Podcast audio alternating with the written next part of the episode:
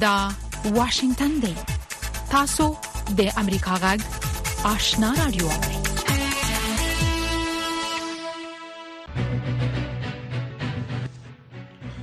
السلام علیکم دا د امریکا غږ آشنا رادیو دی د امریکا غږ آشنا رادیو سهارنې خبرونه پیلېږي د خبرونه پیل کې د سیمې نړۍ او افغانستان د دې وخت تازه خبرونه ویان سید سلیمان شاه د طالبانو د حکومت د ټولګټو یا فوایدامي وزارت د سالنګ تونل د بیا رغونې د چارو د بشپړېدو یو ونې وروسته اعلان وکړ چې د غلوې لاره اوس د هر ډول موټرو پر مخ پرانیستل شوې خو په دې لاره بارونکي موټرې به د مهالویش پر اساس په نوبت تګ راتګ کوي د سالنګ د 2.8 کیلومتره اوږد تونل ته د 2022 میلادي کال په دسمبر کې د تیلو د یو ټانکر د چپه کېدو او ور د لګېدو لامل سخت زیان اوښتی او چارواکو له همدې امله د ټرافیکو پر مخ وتړله د افغانستان د خبريالانو مرکز په خپل یو تازه ریپورت کې ویلي چې په 2023 میلادي کال کې خبريالانو او رسنیو باندې د طالبانو د حکومت فشارونه لا زیات شو په دغه کال کې د یو خبريال د وژل کېدو او د 1900 نورو د ټپي کېدو په ګډون د تاوتریخوالي یو سلو آتش په تپېخې ثبت شوې دي د طالبان حکومتي چارواکو په دې رپورت لا تر اوسه پورې تفسیر نه دا کړې د پاکستان د پوز د قلی اردوګانو د قومندانانو د دوه ورځنۍ غونډې په پا پای کې د پنځ شنبه په ماقام د مرغومي په ومه د پوځ د عامه اړیکو دفتر په یوې خبرپاڼې کې پرته له دې چې د کوم هېواد نوم واخلي په یوه ګاونډي هېواد کې د تحریک طالبان پاکستان یا ټي ټي پي د فعالیتونو په اړه ژوره اندېښنه ښودلې خو دا لومړی ځل نه دی چې د پاکستان د پوځ او حکومت لوړپوړي چارواکي په افغانستان کې د تحریک طالبان پاکستان د پټنځایونو او له افغانستان نه د دوی په وینا د ټرریسي بریدونو لپاره د کار اخستو او اصلي وسلو ته د لاسرسي په اړه اندېښنې څرګندوي. د امریکا غږ واشنګټن نه د افغانستان، سیمې او د نړۍ خبرونه اورئ. د ایران قضایه قوې د جمعې په ورځ د ډسمبر په نهه یشت مه اعلان وکړ چې اسرایلو ته د جاسوسۍ په تور یې څلور کسان په دار ځړولي دي. د عدلې د وزارت د میزان ویبپاڼې د رپورټ لمخې د صهیونیست رژیم یعنی اسرائیل اړوند تخریبي ډلې څلور غړي د جمعې په سهار په شمالي لویدیز ولایت آذربایجان کې اعدام شو د ترکیې امنیتي ځواکونه وایي چې د اسلامي دولت یا داعش د ډلې سره د تړاو په شکه کې دوه دېرش کسان نیولي دي په نیول شوو کسانو تور لګول شوی چې په هغه هیواد کې په کلیساګانو او عبادت ځایونو او همدارنګه د عراق په سفارت د بریدونو پلان جوړو یو با خبر سرچینه د مرغوم پاتمه د فرانس پریس خبري اژانس ته ویل چې د ترکیه استخباراتي ادارې او پولیسو د جمعې په سهار د استانبول او انقره په ګډون په نهو ښارونو کې د داعش پر ضد د عملیاتو په دوران کې درې کسان چې د داعش لوړپوړي غړي بلل شوي دي ونیول متحده ایالاتو، فرانسې، جرمني او بریتانیې د پنجشنبه په ورځ د مرغومې په اومه په یوه ګډه اعلامیه کې د ایران لخوا په لوړه سطحه شپېته سلنه غني شوي یورانیمو د تولید غندنه کړې. په دغه اعلامیه کې چې د امریکا د بهرنیو چارو د وزارت لخوا خپره شوه، د اټومي انرژۍ د نړیوالې ادارې وروستي رپورټ ته په اشارې ویل شوي چې د ایران په دوو هستوي بټیو کې د یورانیمو د غني کولو میاشتني تولیدات درې برابره لوړ شوي دي زمون غږ له واشنگټن نوري د ملګرو ملتونو د امنیت شورا پرون د منځني ختیځ په ځانګړې توګه غزې د روان وضعیت په اړه د بحث لپاره عاجله غونډه وکړه د چین دولتي اژانس سنهوا د جمعې په ورځ خبر ورکړ چې دا غه هواد د سمندري ځواکونو په خوانې قوماندان دونګ جون د نوي دفاع وزیر په توګه ټاکل شوی یوکرایني مقامات ویلي چې د جمعې په ورځ روسي ځواکونو د یوکران په مختلف خرونو باندې د توغندو په بریدونو کې لږ تر لږه 14 کسان وژلي او د سلو په شاوخوا کې نورې زخمیان کړي ښایي چې د تلفاتو کچه لوړه شي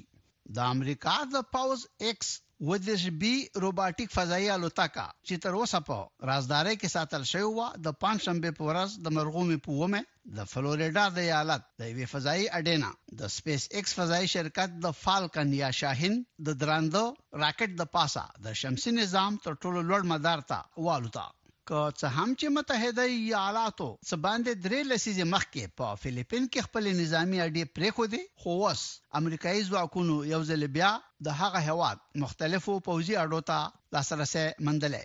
یو فرانسوی سړی چې د تېرې دوشنبې په ورځ د پاریس پولیسو د خپلې ښځې او څلورو ماشومانو د وژلو په جرم ونیو، پولیسو ته یې ویلي چې ده دې کار ته د هڅونې لپاره غیبي غږونه اورېدل. دغه کس چې ذهني ناروغي لري دوو لوڼو او دوو کمکیو زامنو مړي د پاریس په ختیځ کې دغه په کور کې وموندل شو ټوله په چاقوګانو باندې د پولیسو په وینا په ډیره بې رحمۍ لس لس واري وهل شوی د خبرونو پای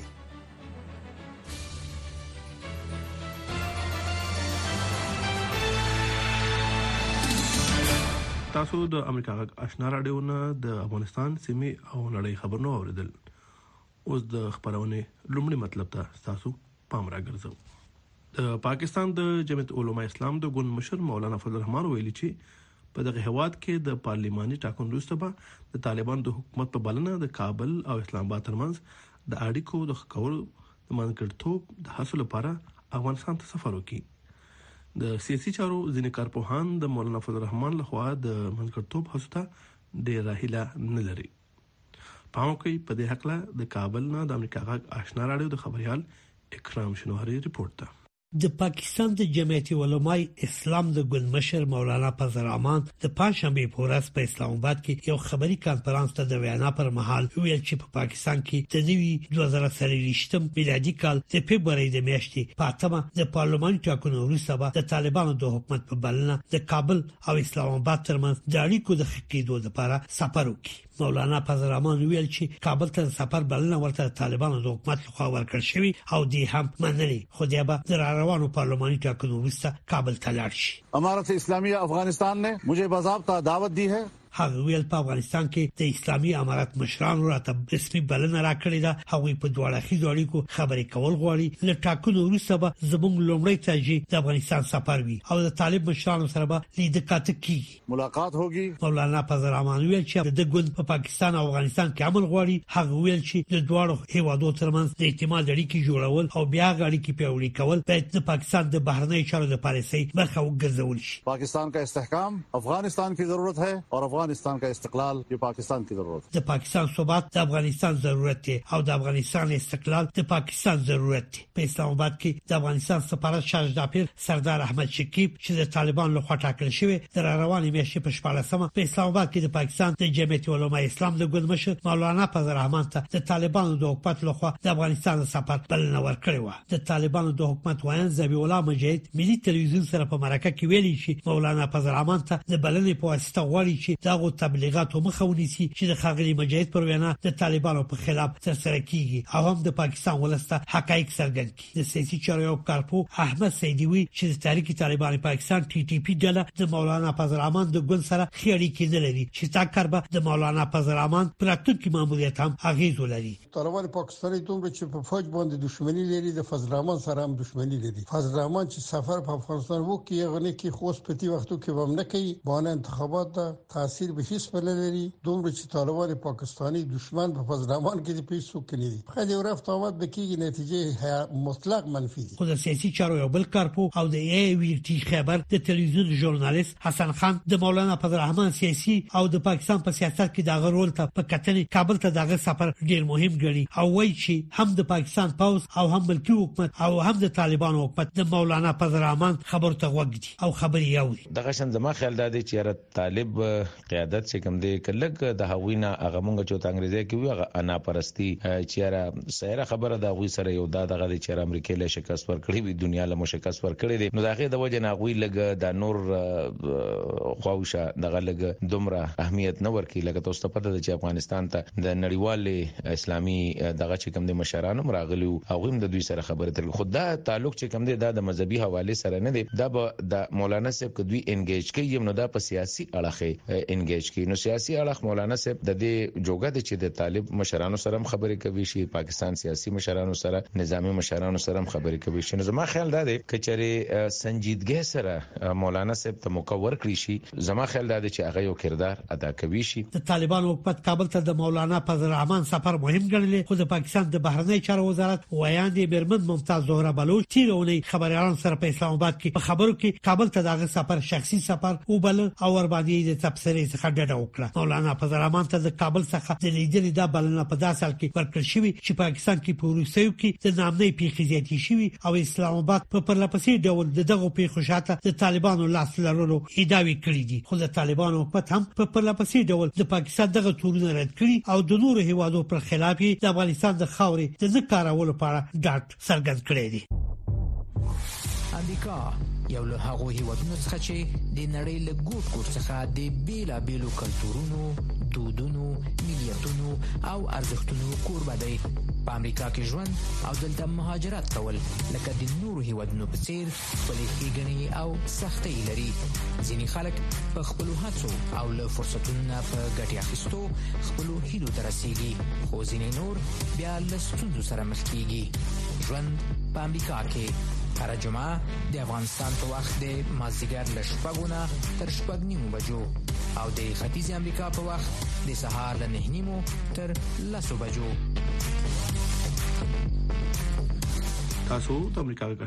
پنا راډیو نه زمونږ غږ اورئ د ملګرو ملتونو د نشهيي توکو او جرمونو سره د مبارزې ادارې په یو راپور کې ویلي چې افغانستان د نشهيي توکو د اعتاد له امله د پام وړ ستونزو سره مخ دی او نشهيي توکو په دغه هیواد کې له هرو دریو کورنۍ څخه یوه زیانمنه کړې ده د ادارې ویلي چې په افغانستان کې د نشهيي توکو د استعمال څخه زیږیدلي ناروغۍ هم زیاتې شوې دي نور حال په دې رپورټ کې. د ملګرو ملتونو د نشه يي توکو او جرمونو سره د مبارزې ادارې یا یو ان او ډي سي په تازه راپور کې ویلي چې په افغانستان کې نشه يي توکو سخت زیان اړولی او له هرو دریو کورنیو یوه یې زیانمنه کړې ده. دغې ادارې ویلي چې د افغانستان د وګړو شپېته سلنه چې له پنځه ویشت کلونو کته عمرونه لري چې له همدې امله افغانستان په نړۍ کې د نشه يي توکو په برخه کې یو تر ټولو ځوان او چټک وده کوونکی نفوس لري چې د مخنیوي هڅې خورا مهمې دي د ملګرو ملتونو د نشي توکو او جرمونو سره د مبارزې ادارې د 2021م کال راهیسې د څلور اویا زره کسانو سره چې د نشي توکو د ګواښ او یا د نشي توکو د استعمال څخه د زیږیدلو اختلالاتو سره مخ وو د نشي توکو د مخنیوي او د روغدو درملنې د بهیر د پیاوړي کېدو په برخه کې مرسته کړې ده یو ان او ډي سي په ټول هیواد کې د نشي توکو د کارونکو د کره شمیرو په ثبتولو کار کوي سو په اړه دقیق اقدام وشي مونږ لا نادولتي موسسو او د درملنې د مرکزونو سره کار کوو سو وکولې شو دوامدار خدماتونه وړاندې کړو یو شمېر کسان چې په نشي توکو روږدي دي وایي هیله لري چې بیرته خپل کورنۍ سره یو ځای شي میړه می خبر نه دی له دې ځای څخه چې بهر شوم غواړم بیرته ورشم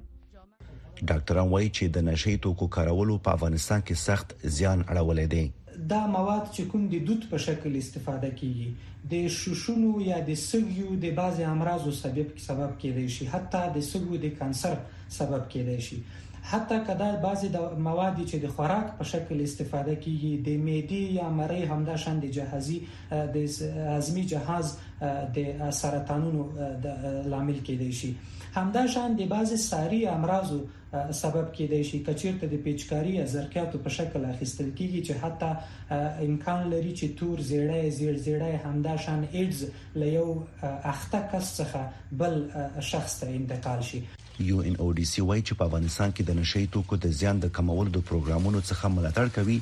او د ایچ آی وي تور ژیړي او د نورو ورته ناروغیو د مخنیوي او درملنې په برخو کې د ستراتیژیو د ترتیبولو په برخ کې دغه هیواد سره مرسته کړې ده.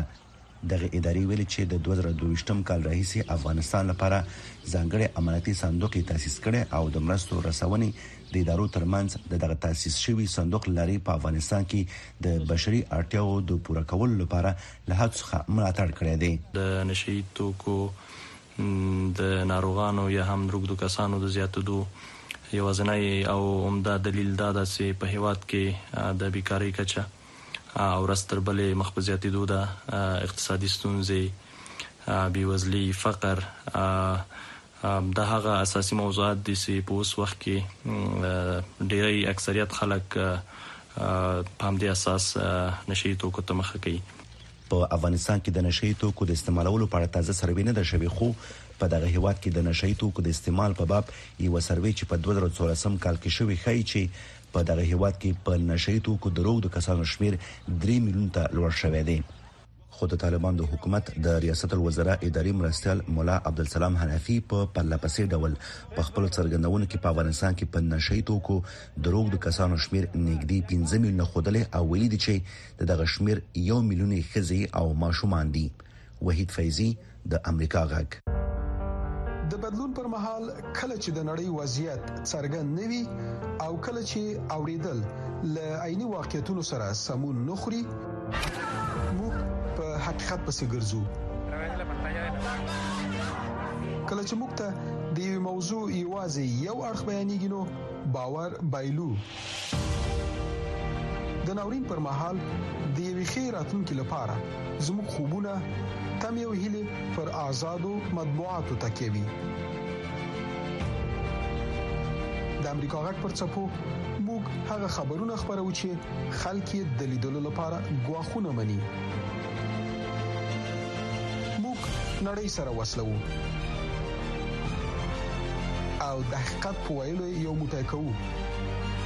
د امریکا غږ لاري موږ بشپړ انزور درکو په داسې حال کې چې په اوکرين د روسیې د يرغل په پس منظر کې فنلند د لویدیځ په فوځي تلاف ناتو کې ورګړ شو ناتو د سازمان ته د فنلند د ګډېدو هرکلی کړی دی نور حال په دې رپورت کې په اوکرين د روسیې د پراخ برید سره په ناتو کې ستر بدلون راغی هغه وخت چې په 2022م کال کې د روسیې ټانکونه د اوکراین خاورې ته ورننه وتل فنلند او سویډن په ناتو کې د غړیتوب لپاره خپل درخواستونه ورکړل د 2023م کال د اپریل په میاشت کې فنلند رسما د ناتو غړی شو یو نوې پړاو پیل شوی هر هواد خپل امنیتي تدابیر لوړایي فنلند هم دا کار کوي په ناتو کې غړیتوب د فنلند نړیوال دریځ پیاوړی کوي او مونږ ته د سهار نه زیات فرصت راکړي سویډن لا هم په ناتو کې د غړیتوب لپاره انتظار کوي ترکیه چې د ناتو غړی ملک دی په ناتو کې د سویډن د غړیتوب منځوري ځنډولې ترکیه سویډن د دهشتګرو په ساتلو تورن کړی دی د ترکیه قانون جوړونکو لا هم په ناتو کې د سویډن د غړیتوب په درخواست بحث کوي زه هیله من یم چې د ترکیه ولسی جرګه به په دې اړه څومره چې ژر ممکن وي بحثونه پای ته ورسوي ترڅو موږ د سویډن غړیتوب تایید کړو ناتو د 2023م کال لپاره د اوکرين سره مرستې زیاتې کړې ناتو د دې سازمان د غړو لخوا اوکرين ته د وسلو او روزنې چارې تنظیموي دغه سازمان د ویلینس په غونډه کې په ناتو کې د اوکرين د غړیتوب په حق خپل دریز روښانه کړو او د اوکرين لپاره په ناتو کې د غړیتوب پروسه اسانه کړه موږ د تخنیکی وړتیاو اداري لارو چارو او د پاوز د ادارې د اصول په نظر کې نیولو سره تقریبا د ناتو د پاوز بل قوه برخه کیدونکې یو د ناتو د پلان او تګلارې په خوانی مشر وایي چې په ناتو کې د اوکرين ورګډېدل د ناتو د مشرانو یوه سیاسي پریکړه ده. زه فکر کوم اوکراین یو تر ټولو وړ او مستحق متحد دی. څومره چې امکان لري، اوکراین په هماغه اندازه ښه دی. خو دا چې اوس یا وروسته اوکراین ته غړیتوب ګټه لري او که زیان، دا اساساً یوه سیاسي پوښتنه ده. که اوکراین له یوې خوا د روسیې د یرغلګرو قواو سره په جګړه بوخت دی، نو بل پلو په ناټو او اروپايي ټولنه کې د غړیتوب لارې چارې لټوي. د ناتو ځینې غړي هیوادونه وایي چې په ناتو کې د غړیتوب لپاره باید تر هغه وخت پورې انتظار وایستل شي چې د روسیې او اوکرين جګړه پای ته ورسیږي مګر فبرس پوتي وایي چې دا کار به د اوکرين جګړه لا پسې وګړه کی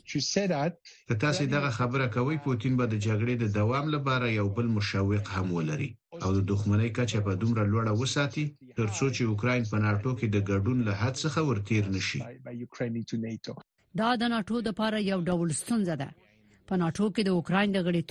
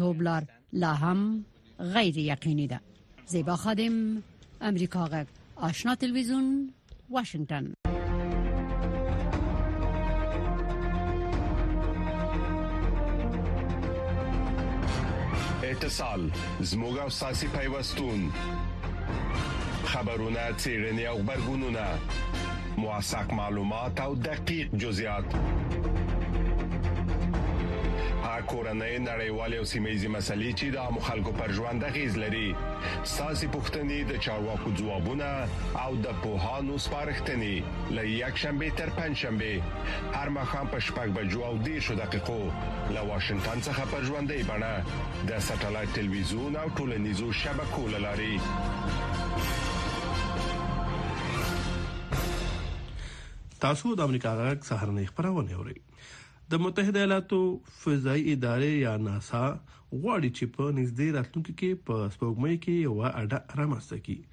تمه کیږي چې په راتلونکو دوه کلونو کې به د غړډې ته انسانان هم واستول شي پام وکړئ په دې اړه د آشنا تلویزیون رپورت ده په سپوږمۍ کې ژوند کول ل 1953 څخه په یو فلم کې چې د سپوږمۍ اډې پروژه نومېده بیا تر ننه چې د ډیزنی فلم کریټر کې څو ځوانان ښایي چې په سپوږمۍ کې د بیسبال لوبه کوي یو هیله او پر راتلونکي کې د پلټنو یو هڅونه و خو په سپوږمۍ کې د ژوند خیال به ډیر ژر ریښتینی شي په 2022 کال کې په سپوږمۍ کې د ژوند په موخه د آرټمس په نوم یو پروژه پیل شو چې د همدا کال په نومبر کې د آرټمس په نوم یو بي پیلوټ سپوږمکه د سپوږمۍ په شاوخوا کې پلټنې پیل کړې اوس ټاکل شوې چې په راتلونکي نومبر کې به د آرټمیس 2 سپوږمکۍ په وسیله څلور ستورمزلي سپوږمۍ ته واستوي آرټمیس به د سپوږمۍ په مدار کې د ګټوي په نوم یو فضایي سټیشن رامنځته کړي چې سپوږمۍ ته د راتلونکو ماموریتونو لپاره یو تمځای او د ژور فضایي چیرنو په برخه کې به مرسته کوي دا پروژه د آرټمیس تړونونو ته پابند ده تر اوسه د متحده ایالاتو په ګډون دوه دېرش نورو هېوادونو د سوله ییزو څېړنو دوه اړخیزې مرستې او له فضا څخه د ساینسي معلوماتو شریکولو لپاره دغه غیر الزامي تړون لاسلیک کړی. هند سږ کال لاسلیک کړ. موږ ډېر کوچني هېوادونه لرو، د بېلګې په توګه لوکزامبورګ، سنګاپور، موږ افریقایي هېوادونه هم لرو لکه روانډا، انګولا تر ټولو وروستی لاسلیکونکی هېواد دی. په دې تړونونو کې جاپان، کاناډا او 14 اروپایي هیوادونه شامل دي، مګر روسیه او چین پکې نشته. یو روسي چارواکي ویلي چې د ناسا پر مشرۍ دغه تړون ډیر په متحده ایالاتو متمرکز دی. هغه وایي چې دواړه هیوادونه پلان لري چې د سپوږمۍ په اړه خپل ګډ څیړنیز سټیشن جوړ کړي. د راتلونکي پروګرام د ملاتړ په موخه د تیلو ټانک جوړونکي شرکت مشر وایي آرتمیس په سوداګریزو شرکتونو ولاړ دی او دا یې په شالید کې مهم ګڼي. تاسو باید دا وړتیا ولرئ د بلګې په توګه د سیلانیانو لرل سم ده سیلانیان باید په یو هوټل کې وي خه زه باید یو هوټل جوړ کړم اوس آیا زه دا ټول کولای شم آیا دا ټول امکان لري جواب دا دی چې زه باور لرم چې دا کار کیږي هغه وایي چې موږ ټکنالوژي لرو او د سپوږمۍ په زیرمو کې یخ اوبه او هیلیم درې شته نو ساينسپوهان وایي که عملی فیوژن ریکټورونه رامنځته شي نو دا د انرژي تولید ګړندی کولای شي په ځانګړي توګه متحده ایالات د شرکتونو او نورو هیوادونو په هڅولو کې خورا ښه ملاتړ کوي ترڅو په سپوږمۍ کې د سرچینو کارولو ورتیا رامنځته شي یو ان دا دی چې دا کار فضایي سفرونه ډیر دوامدار کولای شي او د دې نوې ټکنالوژي په پراختیا کې مرسته کوي نو آیا دا فلمونه رښتیا کیږي اوږدمهاله اډې خو به لږ تر لږه 2010 پورې جوړې نشي مګر ساينس پوهان وایي چې د هالیوډ فلمونو ځینې شیبې ممکن رښتینی شي احسان لارفزای امریکا غږ واشنگتن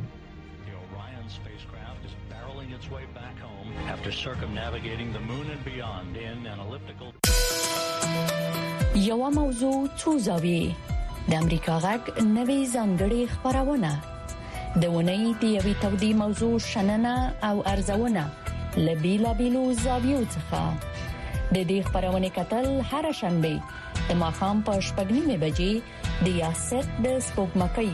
په 309 چینل او د امریکا غږ د ټولنیزو شبکو د پاڼو لارې ما هیروي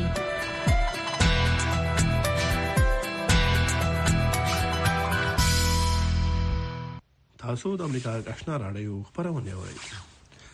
هر کال د دسمبر په 13مه د نیویارک خلک او سیلانیان په ورته ډول د نوي کال د ماښام نمانځلو لپاره د نیویارک ښار چې په ځینو متنونو کې بیک اپل یا لوی بڼه بلل کیږي د ټایم څلور لارې ته ځي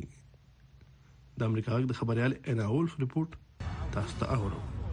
د نیویارک ښار په ټایم سکوير کې زوړ کال ته مخخه او نوي کال ته هرکلې کول د ځای خلکو او سیلانیانو لپاره د ښار تر ټولو غوړې دودونو څخه دی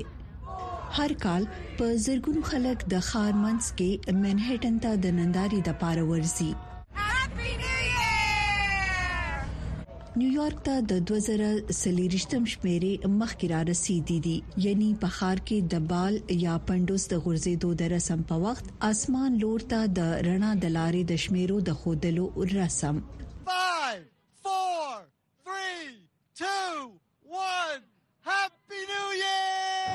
د راتلونکو سورزو لپاره خلک کولی شي ټایم سکوير ته لاړ شي تر څو شمیرې لنیزدي وګوري او له دوی سره عکسونه واخلي مخکې لدی چې دا شمیرې د نوي کال په شپه د ون ټایم سکوير د ودانۍ 15م پورته د بال غورځېدو ځای ته پورته شي موږ له نولس سوه اووه کال راهیسې په ټایم سکویر کې توپ غورځوو. په ټایم سکویر کې د نوي کال لومړی ماښام په نولس سوه څلور کې و. دا هغه وخت و چې نیویارک ټایمز ون ټایمز سکویر ته لاړ او د مځکې لاندې ریلګاډی د لومړي ځل لپاره ټایم سکویر ته راغی او ټایم سکویر د لانګ ایکر سکویر څخه د ټایمز چوک په نوم بدل شو. د تیری پیړۍ بل نه بدلیدونکو دود د رنگارنګ کاغذونو شیندل دي د خار خلک وایي که تاسو د کاغذ په یو ټوټه خپل کوم ارمان ولیکي او یو څوک ونیسي نو تاسو ارمان به رښتیا شي خلک کولی شي خپل ارمانونه په ټایم سکوير کې په کاغذ ولیکي او یې انلاین ولیکي فکر کوم چې دا به په زړه پورې وي چې بل څوک په کاغذ ولیکي ارمان یا هله ونیسي بل څوک کولی شي چې دا ونیسي، ولولي او بیا یې د خپل نوي کال برخه جوړه کړي، زه فکر کوم چې دا واقعیتاً ښه نظر دی. فرناندو په بروکلین کې ژوند کوي او نوي کال په ماښام ټایم سکویر ته تلل خوښوي. زه تېر کال دلته وم. زه خپل یوټیوب چینل ته فلم اخلم او بیا یې خپروم. تجربه لرونکي مینوال وایي هغه څوک چې غواړي د بال ډراپ یا د پندوس د غورځېدو رسم په شخصي ډول وګوري باید د ماسپخین څخه مخکې هلته لاړ شي ترڅو د زرګونو نورو خلکو سره په یخه یخنۍ کې دغه منزل لنیزدي وویني شیناز نفیس امریکا غږ